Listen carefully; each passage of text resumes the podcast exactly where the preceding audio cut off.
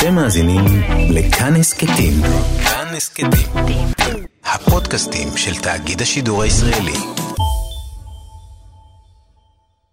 אנחנו עוברים מיד אל האורחים ההוא כה חשובים שלנו. אנחנו יודעים שאתם צמאים לשמוע את קולותיהם, את חוכמתם. כמובן, כאן תרבות שינתה את לוח המשדרים שלה, אבל אנחנו לא מוותרים על מה שכרוך, תוכנית הספרות המובילה שלנו. בוקר טוב למאיה סלע שנמצאת בבידוד, בוקר טוב לך. בוקר אור. ובוקר טוב ליובל אביבי, עד uh, שהימים יירגעו, מה שלומך יובל? בוקר טוב, שלומי מצוין, אני יותר מוטרד מהילדים כמו אתמול. כמו אתמול, וכך גם נהיה בימים הקרובים. אתם תפרצו כל הזמן אלינו, לתוכנית שלנו, גם כן תרבות. תדברו איתנו ספרות אה, כמובן. הנושא הראשון שלנו לבוקר זה, חברות וחברים, היא סלמה לגרלף. אני התאמנתי על זה. סלמה לגרלף. הסופר... אתה עושה את האומלאוט מושלם. לא, לא טוב? מושלם. מושלם. או, חשבתי שזו הציניות של יובל אביבי, אני קצת מפחד ממך, צריך לומר. סלמה לגרלף, אני אמשיך ואתעקש על זה כדי להראות לכם עד כמה התכוננתי. היא סופרת שוודית, היא הייתה האישה הראשונה שזכתה בפרס נובל לספרות. מי היא, מאיה, ולמה אנחנו מדברים עליה? אוקיי, okay, אז קודם כל אני אגיד למי שלא יודע שבין היצירות המוכרות שלה, שאנשים כן מכירים, למשל מסע הפלאים של נילס הולגרסן, זה אבל זה הבר, מי לא מכיר את הדבר הזה, mm. וכמובן ירושלים, אפוס ענקי שהיא כתבה אה, אחרי שהיא ביקרה כאן אצלנו בארץ הקודש. אני אגיד לך, היא קיבלה את הנובל ב-1909, ותשמע את נימוקי הפרס, אולי תבין, אה, היא קיבלה בגלל האידיאליזם האצילי של העושר הדמיון והנדיבות, אה, ויפי הצורה שאפיינו את עבודתה. אבל היא הייתה גם דמות מאוד מאוד יוצאת דופן לתקופתה וגם להיום לדעתי, ואנחנו פשוט מציינים היום 80 שנה למותה. ולכן אנחנו נדבר עליה עם עלית קרפ, שהיא סופרת, עורכת, מתרגמת, בעלת הבלוג, כמו שכתוב בספר של עיתון הארץ. עלית קרפ גם הייתה בעבר נספחת התרבות בשגרירות ישראל בשוודיה. יש לי תחושה שיש לה איזה עניין עם השוודים, הם מוצאים חן בעיניה כנראה. הספר של האווזים, רשמי מסע בשוודיה, ראה אור ב-2018 בהוצאת אפיק, ובגיליון הקרוב של המוסך אה, יפרסם סיפור של עלית קרפ. לציון 80 שנה למותה של סלמה. Uh, השם של הסיפור יהיה, האם הייתי בבית של סלמה לגרלף, את שואלת? Mm. מסופר בו על ביקור שהיה או לא היה בבית של הסופרת הזאת, של סלמה. שלום לעלית קרפ. שלום, מאיה. אני נורא מתרגשת להתארח אצלכם. אנחנו שמחים מאוד לארח אותך. אז היה ו... ביקור או לא היה ביקור היה בבית בדיוק. של לגרלף? כן, זו באמת שאלה מעניינת. הכל היה.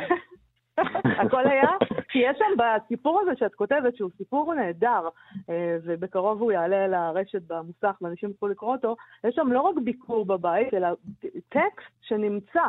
אה, סיפור בתוך סיפור. חדש, זה סיפור בתוך סיפור, זה טקסט באמת של סלמה? אה, תשמעי, אה, אה, אני חושבת שכבר דיברנו המון פעמים בעבר.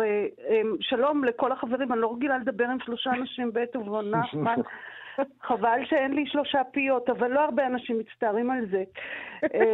בכל אופן, האם זה סיפור, זה, אני מאמינה בזה שהקורא, ובעיקר הכותב, צריך להיות קורא מיומן וגדול וחרוץ.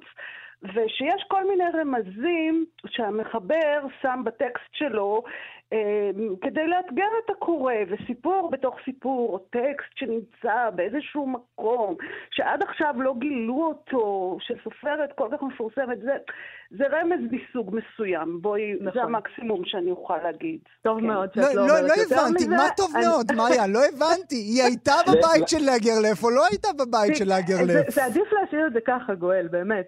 לפעמים אנחנו צריכים לא לפרק את המסתורין, פשוט להשאיר את המסתורין כפי שהוא. יפה. אה, זה יותר טוב לנו בחיים גם.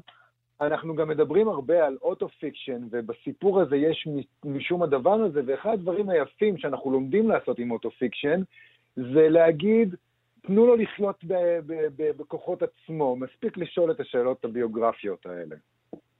כי מה, נכון, כי מה, אבל... כי מה קלקלנו, יובל, במהלך הדרך, כשנכנסנו וחיטטנו, ועם מי היית, ועם מי שכבת, ומה עשית, ולאן הלכת?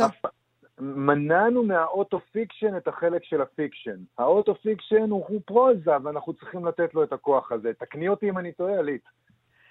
אמ, אני חושבת, אה, שאני אני רוצה להגיד משהו. אני חושבת שהשאלה האם זה היה באמת, היא שאלה שאסור לזלזל בה. אה, קודם כל, כולנו יודעים שהמדבקה אה, מבוסס על סיפור אמיתי, או סיפור אמיתי, זה תמיד מקדם מכירות יוצא מן נכון, הכלל. נכון. ובאנשים יש איזו תאווה לדעת האם זה היה באמת, ואני בהחלט מנגנת על נים התאווה הזה. אמרי לנו מילה על אה, לגרלף, אולי יותר ממילה. מדוע האישה הזו, בקושי בת 50, היא זוכה בפרס נובל, כאמור, כמו שאמרנו בתחילת הדברים, האישה הראשונה שזוכה בפרס נובל לספרות. למה הגיעה לה? אמ, אה, אני, אני לא יודעת מה מגיע למי, קודם כל אני רוצה להגיד, ואני רוצה לסייג את, את כל עניין פרס נובל לספרות בכמה משפטים בהתחלה ברשותכם. אה, תראו, ועדת פרס נובל היא נורא ועדה שיודעת לשקף את רוח התקופה שבה היא מעניקה את הפרס. וזה לא תמיד סינונימי לספרות טובה. Mm. או, וגם דברים משתנים. תראו, אה, רודיארד קיפלינג, שהיה אה, חתן פרס נובל האנגלי הראשון, זכה בפרס בסך הכל שנתיים לפניה. הוא היה שופרו הגדול של הקולוניאליזם, לא רק באורחות חייו, אלא גם בכתיבה שלו. הוא כתב את מסע האדם הלבן, אנחנו מכירים אותו מספר הג'ונגל בעיקר, אבל היו לו הרבה יצירות שתמכו בקולוניאליזם. דבר שהיום לא היה מאפשר לו אה, לזכות. אני לא כזה בטוח, כזה... השנה רק זכה פיטר אנדקה, כן? או, נדמה כן, לנו, נכון, נדמה נכון. לנו, מאיה ויובל, שבאמת הוועדה הזו היא כולה, היא כולה תואר. וחבר'ה, בחרתם בפיטר אנדקה בתור חתן פרס נובל לספרות. אה, נכון, זה נכון מה שאתה אומר, אבל, אבל זה עורר המון, אה, אבל זה עורר אה, המון התנגדויות. ו, ואני כן, מכיוון שקודם כל רוח התקופה היא עכשיו מאוד מאוד מאוד מגוונת, דבר שאולי התפתח כתוצאה מההתפתחות של אמצעי התקשורת במהלך השנים ודברים מהסוג הזה. זה לא היה כל כך מגוון כשאנגליה הייתה אימפריה שהשמש אף פעם לא שקעה בה. זה, אנשים באמת האמינו שלאדם הלבן יש משהו שהוא יותר טוב מאשר לאנשים שהם לא לבנים, ושהוא צריך ללמד אותם את הדבר mm. הזה. וזה מה שקיפלינג אומר. והיום... אבל לא... איך היא הייתה רוח התקופה? אה. זאת אומרת, האם הוא היה רוח נכון, התקופה זה נכון, אבל כן. היא הייתה אדם יוצא דופן לחלוטין. נכון. תראי, היא הייתה בהחלט באורחות חייה יוצאת דופן, אף על פי שאני חושבת שגם בימינו אמ, ידידות אה, בין אה, שתי נשים, אהבה בין שתי נשים, תמיד נחשבת לפחות תאוותנית מאיזושהי סיבה מאשר אהבה בין שני גברים. גברים תמיד חשודים בחרמנות יתר. אבל... אמ, אז את אומרת שאם היא הייתה הומוסקסואל, אולי לא הייתה מקבלת את הפרס. כן, אני לגמרי, אה, אני חוששת ככה. אוקיי. שזוג נשים התקבלו יותר באהדה אז מאשר זוג גברים, וש... ושאיכשהו אה, היא הצליחה לעבור מתחת לרדאר בנושא הזה. היא הייתה גם אה, נכת רגל אחת, היא הייתה צולעת, אה, היא חלתה בשטוק ילדים כשהיא הייתה ילדה, והיא באמת כותבת נורא יפה. ומה שהתחיל אצלה בתור אומנות, בתור uh, ספר שמיועד, uh, אני מדברת על נילס ואווזים עכשיו, כדי לספר לי על די שוודיה, על המחוזות השונים של שוודיה, על האנשים השונים של שוודיה, וגם לעשות נו נו נו לנילס. זה מאוד חשוב בספר הזה לעשות נו נו נו לנילס. וגם בירושלים יש נו נו נו. אם תרצו, כן. אני יכולה לספר כן, לכם. כן, נשמח, אני חושבת שכדאי לי לדבר קצת על ירושלים, על הביקור שלה גם פה. תשמעי, היא הזיעה פה כמו חמור במזוודה. היה לנו נורא חם כאן, היה נורא חם בירושלים. תראו, הייתה המושבה, היום מה שנשאר מהמושבה השוודית, האמריקאית, זה האמריקן קולוני הוטל, שמי שלא ביקר בו, אני ממש ממליצה לו. נכון. זה אחד המלונות היפים בירושלים. מקום חלומי. כן, אבל אז באו השוודים ביחד עם האמריקאים, אה, והשוודים היו במספר יותר גדול, אבל האמריקאים הגיעו לפניהם, והם פה, הם באמת הפריחו את השממה, כמה שאני חושבת ששממה זה באמת מילה מאוד קולוניאליסטית, אבל... אבל הם אה, לימדו פה את האנשים אה, איך לטוות בדים ואיך לעבוד עם כל מיני מכשירים חקלאיים, ואיך לאבד תוצרת חקלאית, והם הם, ביחד עם לא נעים להגיד, הטמפלרים, mm. הביאו הרבה ידיעות הנה מצפון אמריקה, הם יצטרכו להתמודד עם מזג אוויר מאוד קשה. שוודיה במובן הזה, במיוחד אה, ככה במקום שממנו, המקום נגיד ממרכז שוודיה וצפונה, זה ממש כבר לא ארץ חקלאית, והם ידעו הרבה דברים כי הם יצטרכו להילחם באיתני טבע שאנחנו לא יכולים לתאר לעצמנו אותם. אני רוצה לשאול אותך לסיום, אלית, אה, את אה, ציינתי שאת היית בעבר נספח לתרבות בשוודיה, כתבת גם רשמי מסע שלך משוודיה, נקשרת באופן מיוחד לאומה הזאת? לא, אה, לא, זה היה אולי יכול לקרות גם בהרבה מקומות אחרים, אבל מה שאפיין את השהות שלי בשוודיה זה שלא ידעתי שוודית. וכשאתה... וכשאתה בא ו- ואתה לא יודע, אז יש לך הזדמנות בתור אה, אדם מבוגר, עם תודעה של אדם מבוגר, לחוות מחדש את חייך כילד. כשבאתי אה. לשוודיה, אז uh, ראיתי שכתוב uh, בכל החנויות ריאה, ריאה, ריאה, ריאה. אז אמרתי לבעלי, אני רואה שריאה זה חברה מאוד גדולה כאן. אז הוא אמר, ריאה זאת הנחה, אשתי. אנחנו נסיים עם זה, כי כדאי תמיד לסיים עם עצמך. ריאה, אז לימדו, ריאה, ריאה בשוודית.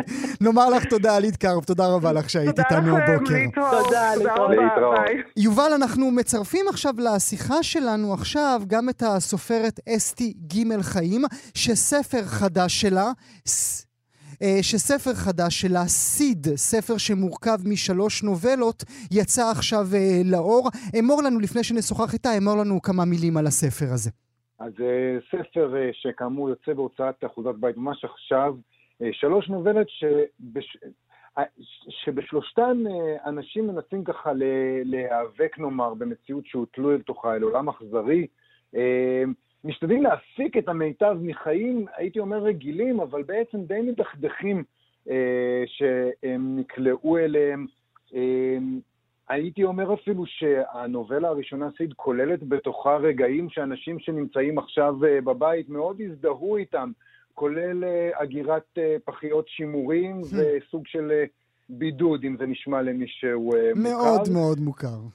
אבל האמת היא שאם אפשר להגיד משהו, הטקסט הזה סיד, שבו אנחנו מדברים על, בעצם על, על אגירת אוכל בגלל מלחמת המפרץ, בעצם איזשהו פיגורה לטראומה מאוד מאוד גדולה אחרת, שהאישה, גיבורת הנובלה, מתמודדת איתה, ובעצם מחרבת את חייה, ובמידה מסוימת גם הנובלות האחרות עוסקות באיזשהו אירוע שקצת אה, הורס לנו את החיים למרות הניסיון, אה, אה, למרות הניסיון לחגוג אותם. נגיד רק שאסתי ג' חיים היא כלת פרס ברנר לספרות לשנת 2014 על ספרה אנשי פינות, ובאמת יוצא עכשיו הספר עם מציאות מאוד מאוד מאתגרת בשבילו. שלום אסתי ג' חיים.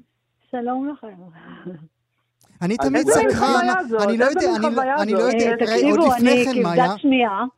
אז אתם צריכים לדבר אחד-אחד. אז לפני הכל אני אשאל רק שאלה אחת אה, ברשותכם. תמיד אני מסתכל על ההקדשות בספרים, ואת mm, מקדישה כן. את הספר שלך לאשר. ספרי לנו על אשר אחיך.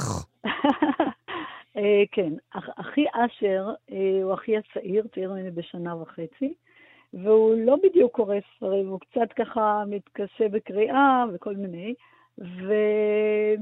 אבל היה, הוא מאוד גאה בי תמיד, והוא האדם האחרון שנותר לי ממשפחתי הגרעינית.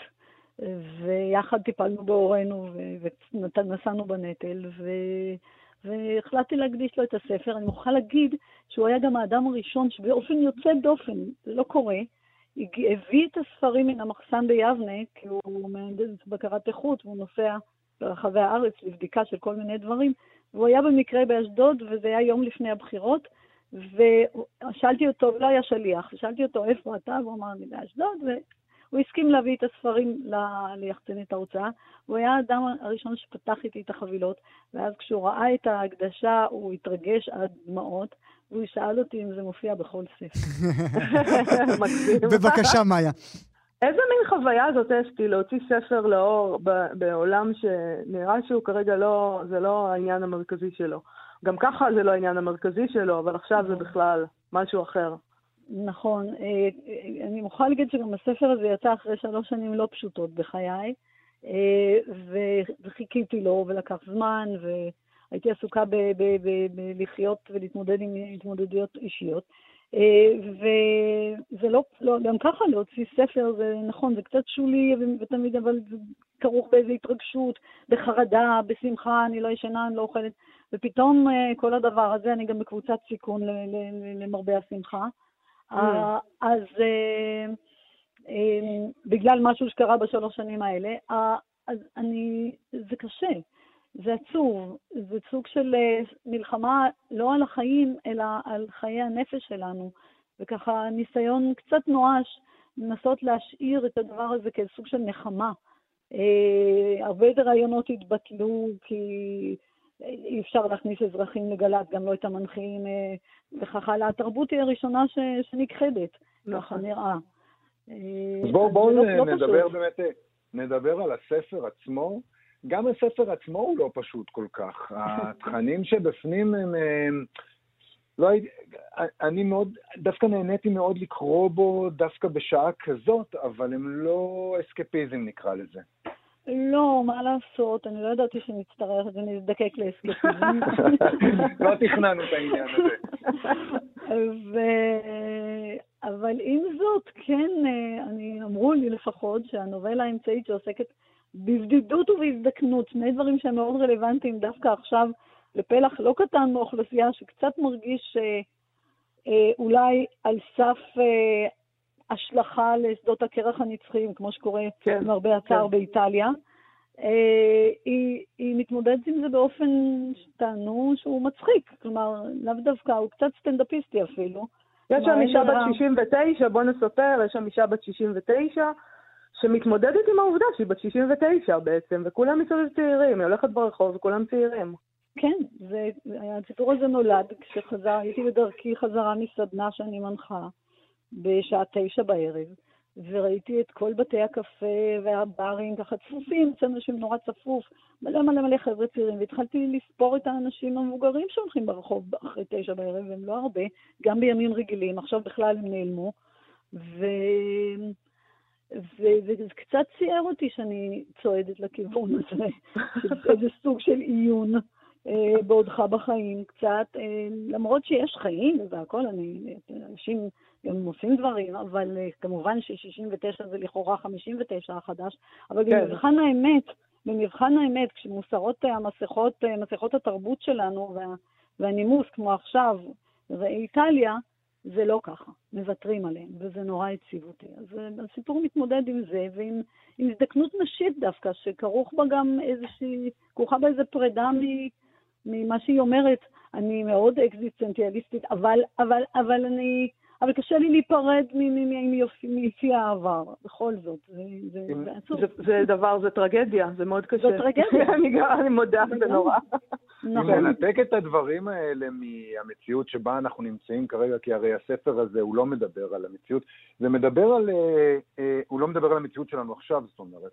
זה כן. מדבר בעצם, הסיפורים שלך, הנובלות שלך, מדברות על הרבה מאוד תהליכים פנימיים, שאין יכולת בעצם לדברר אותם. הגיבורות שלך הן הרבה פעמים אה, מנהלות את רוב השיח הזה בינן לבין עצמם, וזה מה שיוצר המון המון כשלים בהתמודדות שלהם עם המציאות. ברגע שיש, נגיד בנובלה הראשונה, ברגע שיש דברור סוף סוף של הטראומה, נוצר פתח גדול מאוד לתקווה בסופו.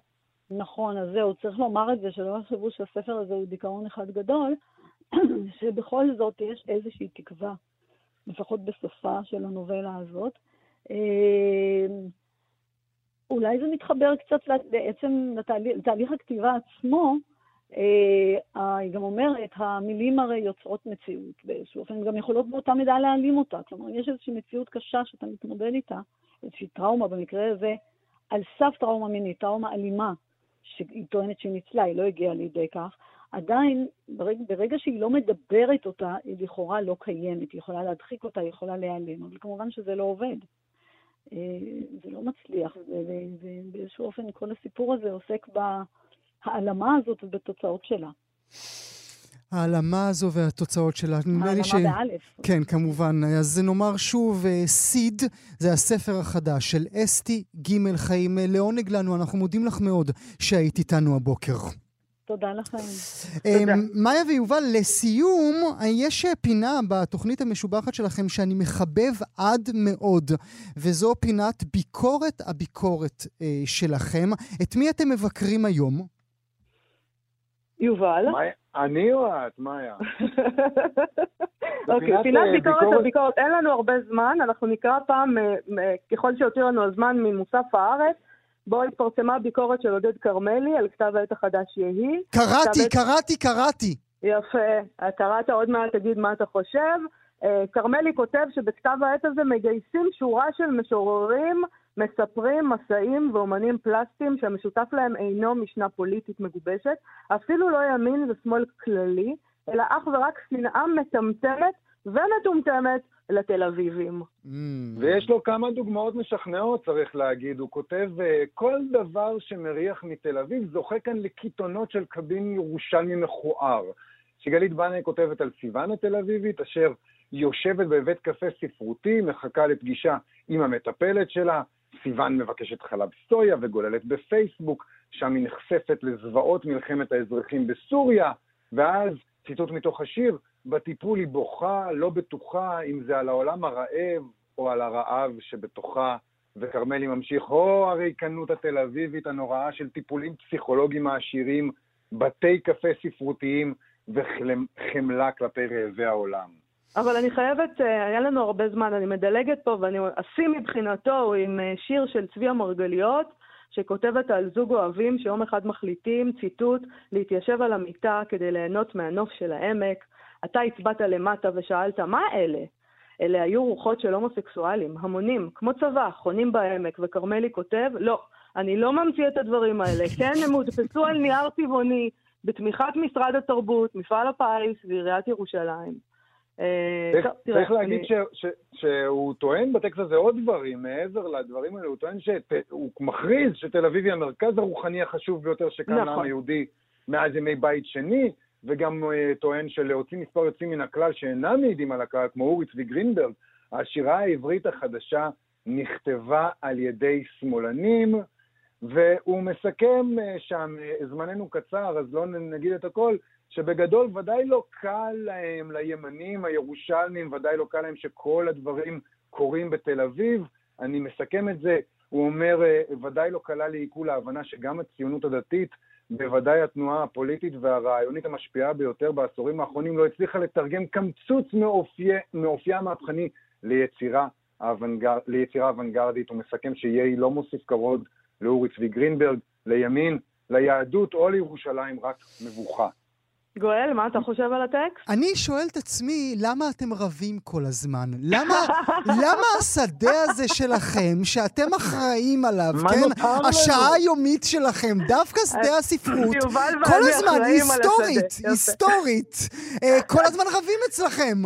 אני חושבת שזה סימן מאוד טוב, אבל זה סימן שיש ליבידו כשרבים. למה, באמנות הפלסטית אין ליבידו? בקולנוע אין ליבידו? גואל, מה אתה מדבר? רבים שם כל הזמן. תן להם תוכנית לאמנות הפלסטית ותראה איך הם רבים. יש אנשים שאומרים שככל שההשפעה הציבורית שלך יותר קטנה, ככה המאבקים הפנימיים יותר גדולים. כנראה שזו התשובה, כנראה שזו נכון. התשובה. מאיה ויובל, אה, מגישי אה, מה שכרוך, תודה רבה לכם שככה הנעמתם לנו את זמננו והחכמתם אותנו במהלך 20 הדקות האחרונות. נאמר למאזינות והמאזינים, גם מחר, גם מחר אתם תהיו כאן ולאורך כל שידורים המיוחדים האלה של גם כן תרבות בין 11 ל-1 בכל יום. תודה מאיה, תודה יובל. תודה גואל. אתם מאזינים לכאן הסכתים. כאן הסכתים. הפודקאסטים של תאגיד השידור הישראלי.